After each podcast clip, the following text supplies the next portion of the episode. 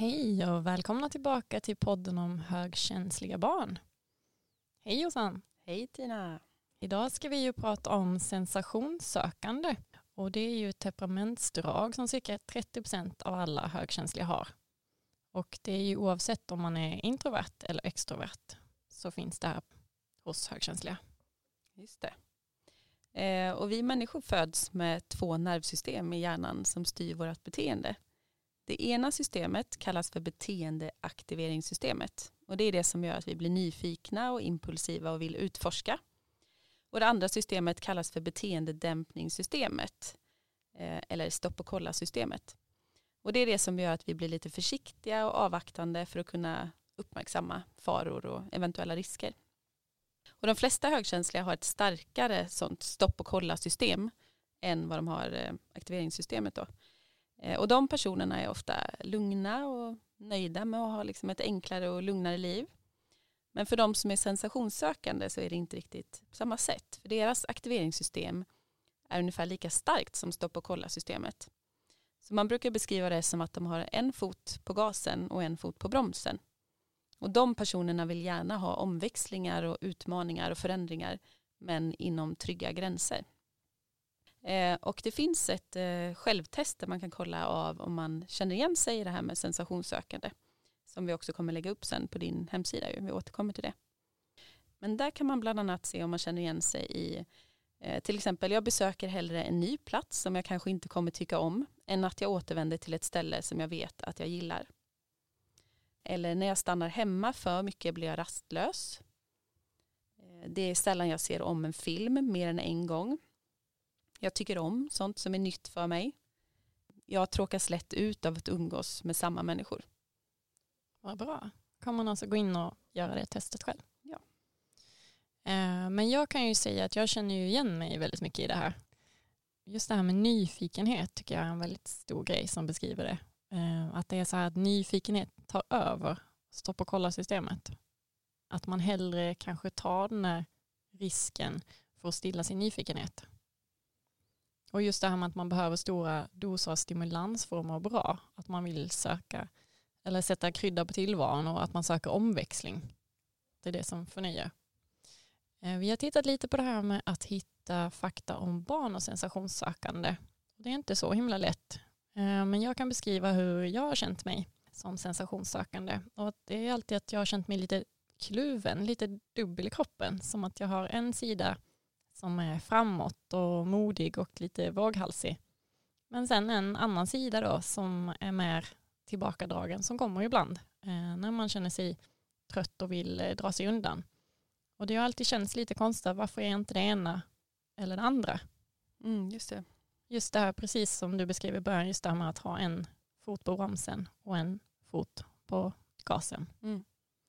Och jag upplever ju att det här är ju säkert, precis som eh, högkänslighet i sig, så är säkert det här med sensationssökande ärftligt. Jag ser i alla fall många i min släkt som eh, verkar vara sensationssökande. Det gör det. Mm. Ja.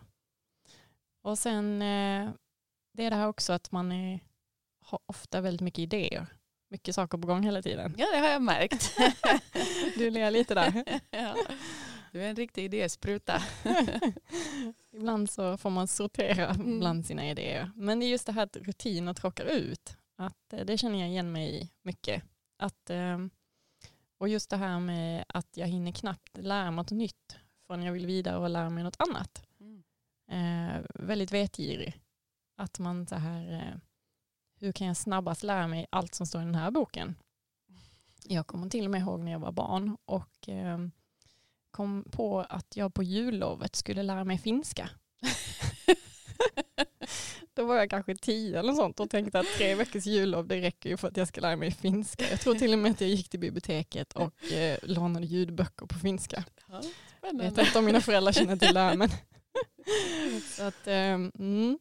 och jag kan också se det här, eh, just det här med upprepning i skolan, att eh, jag inte tyckt om det här. Att eh, just det här med matteläxan när man ska sitta och göra samma tal om och om igen. Eh, jag vet ju det här att repetition är väldigt bra men det kan också bli väldigt långtråkigt. Mm. Eh, och där har jag då ett tips då att man kanske kan göra så här att man blandar vissa sidor i matteboken är ju lite roligare än andra, att man ändå kan växla lite mellan, mellan de här lite mer traggliga, tragglande sidorna och de här som är lite roliga, färgglada grejer. Just det.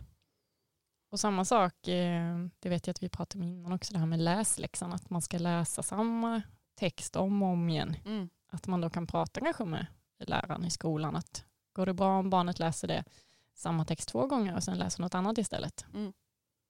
Ofta har ju högkänsliga barn ganska lätt för att ta till sig ny information också. Så många gånger så har de ju redan liksom förstått vad det handlar om och eh, kan ju tappa ganska mycket glädjen av att göra det eh, om de ska repetera det för många gånger. Just det. Och sen har vi det här då som vi pratade om uttråkad. Jag har ju till och med börjat skapa system hemma för att göra vissa tråkiga saker så lite som möjligt. Jaha, vad då för något? Ja, men till exempel så har vi installerat två tvättmaskiner. För då tänker vi att om man kör båda maskinerna samtidigt så går det mycket fortare att tvätta. Ja, och smart. En annan grej vi gör som kan låta lite konstigt är att vi sorterar besticken i eh, diskmaskinen för att det ska gå fortare att slänga dem i lådan sen. ja, så det kan man ju ta som tips. Ja. Sen är det ju ofta det här med att de sensationssökarna är väldigt bra på att dra igång saker. Eh, men inte alltid lika bra på att driva allt i hamn. Har du många oavslutade projekt hemma då? Ah, du anar inte. Till exempel det här med en gång jag skulle lägga plattor eh, vid huset. Och då, jag, då får jag jättemycket energi av att nu ska jag sätta igång ett nytt projekt. Och jag eh, letar upp plattor på Blocket, jag fixar släp, jag åker ut och hämtar de här plattorna, eh, köper set sand, gräver, börjar lägga plattor. Och sen så händer det ju något annat och så kommer jag bara halvvägs. Sen är det inte lika roligt att ta tag i det här projektet igen Nej, för då har jag redan liksom, det, det, ja Har du gått vidare till nästa? precis. Så då dyker det upp något annat skoj att göra. Mm.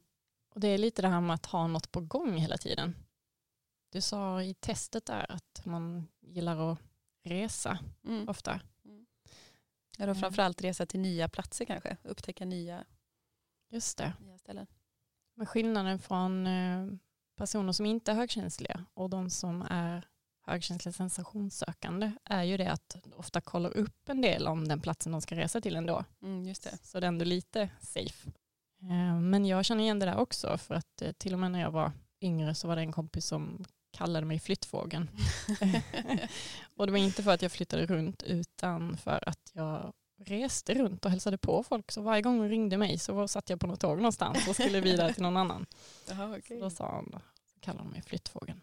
Jag känner ju absolut inte igen mig i det där. Jag är ju inte sensationssökande. Jag gillar ju när det är som det brukar vara. Jag är mycket mer konservativ i det där. Liksom eh, och, ja men det är väl bra som det alltid har varit med det här. Vi kan väl åka tillbaka till samma ställe igen. Där är det tryggt. Och jag tror att det handlar mycket om det där. Att då behöver det inte ta så mycket energi av mig att ställa om. Som där vi berättade om i ett tidigare avsnitt. Om det här med Mallorca-resan. Och att det inte var som jag trodde att det skulle vara när jag kom dit. Så att eh, om jag vet vad jag får på något sätt så tar det inte så mycket energi av mig. Utan då kan jag landa snabbare. Men det där eh, kan jag också känna igen mig och det är denna kluvenheten. Jag kan ju tycka om att åka tillbaka till samma hotell. Ja, där det jag gör du också. allting. Ja, det gör Mm. jag också. Men det är också kul att göra nya grejer. Så det Det är det nästan där, som en inre konflikt liksom. precis. Mm. Men eh, precis som de flesta andra människor och framförallt högkänsliga så eh, har jag ju lärt mig att man mår bra av rutiner.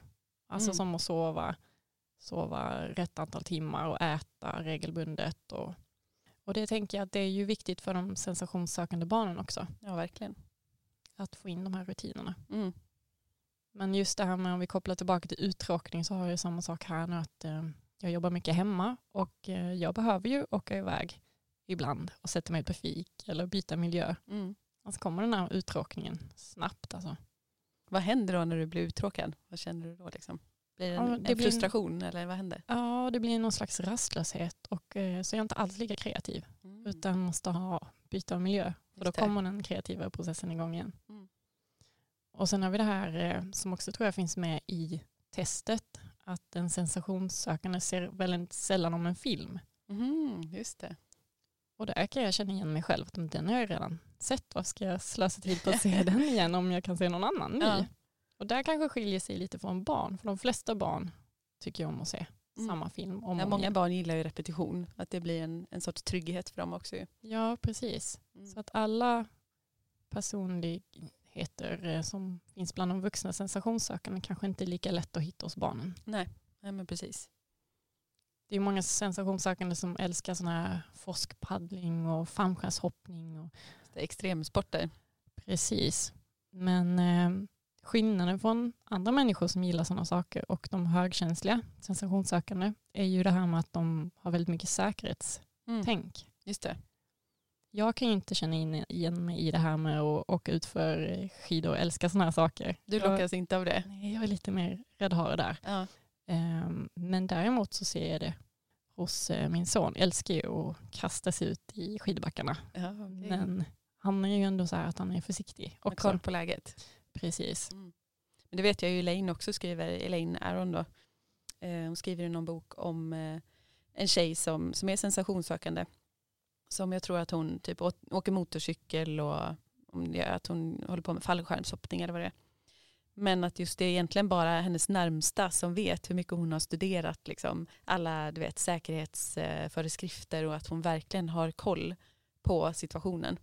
Eh, så att hon hon gillar att göra sådana grejer men ändå under väldigt kontrollerade liksom, former. Just det.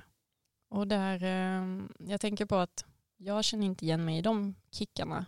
Däremot så kan jag känna att eh, jag kan utmana mig på andra sätt. Mm. Eh, om det är någon som föreslår något, ah, vill du hänga med på det så kanske jag säger absolut. Och sen efter ett tag så slår det här alarmsystemet igång och jag känner, nej men gud, vad har jag nu tackat ja till? Visst det.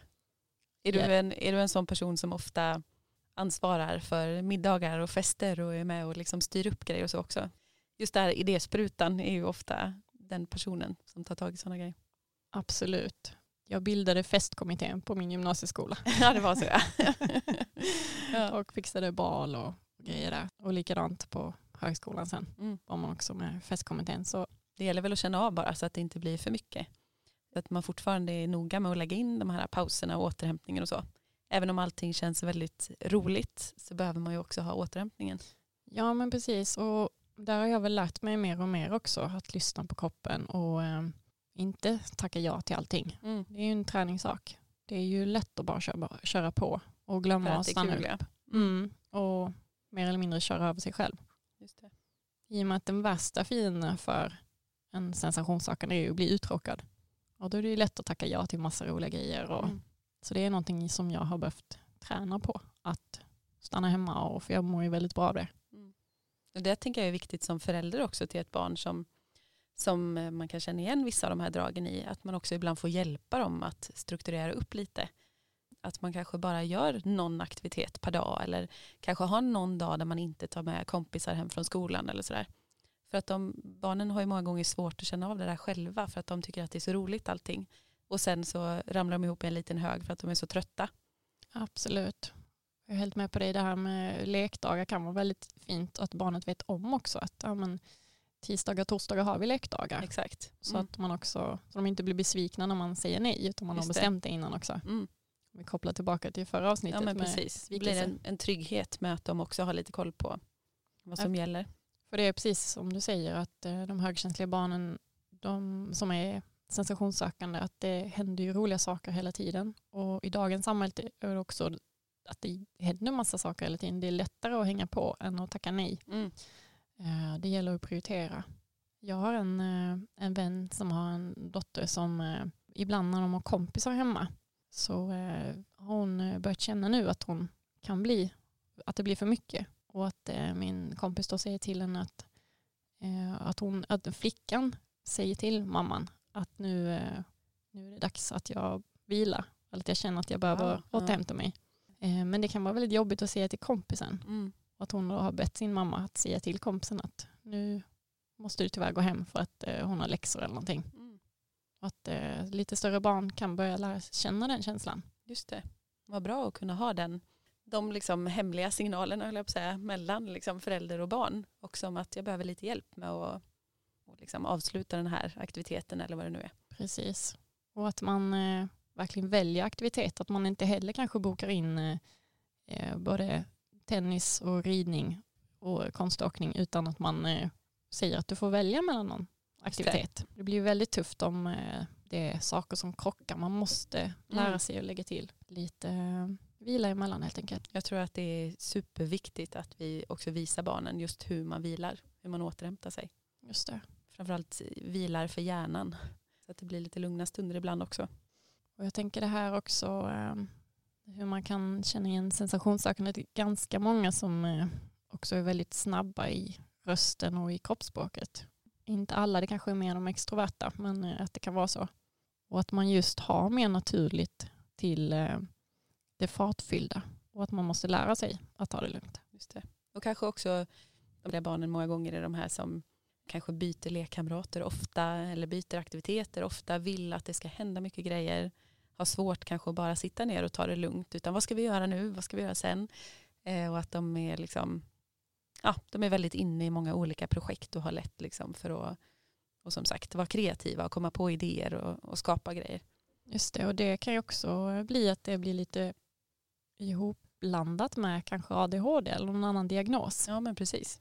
Det kan vara lätt ibland att eh, tolka vissa delar i personlighetsdraget som att ja men det här är nog kanske svår, svårighet att koncentrera sig eller vad det handlar det här om. Men jag tänker att vi kommer komma in mer på det i ett senare avsnitt. För att det, är, det är ju många forskare också som pratar om att de tror att det är många som kanske diagnostiseras med eh, ADHD eller ADD eller inom autismspektrumet som egentligen kanske är högkänsliga.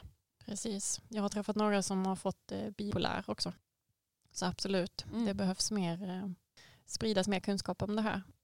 Just det. Och vill ni som sagt läsa mer om det här och eh, se om ni känner igen er själva eller kanske om ni känner igen era barn så kommer vi som sagt lägga upp ett sånt självtest om eh, sensationssökande. Och var kan man hitta det Tina? Jo, det hittar man på eh, min hemsida som heter www.högkänslighetscoachen.nu. Alltså hogkänslighetscoachen.nu. Och man hittar det också på Instagram. Ja, där eh, heter jag högkänslighetscoachen. Min sida heter tankar om högkänslighet eller hogkanslighet på Facebook och Instagram. Så eh, hörs vi igen en annan gång. Ha det bra tills dess. Ha det bra. thank you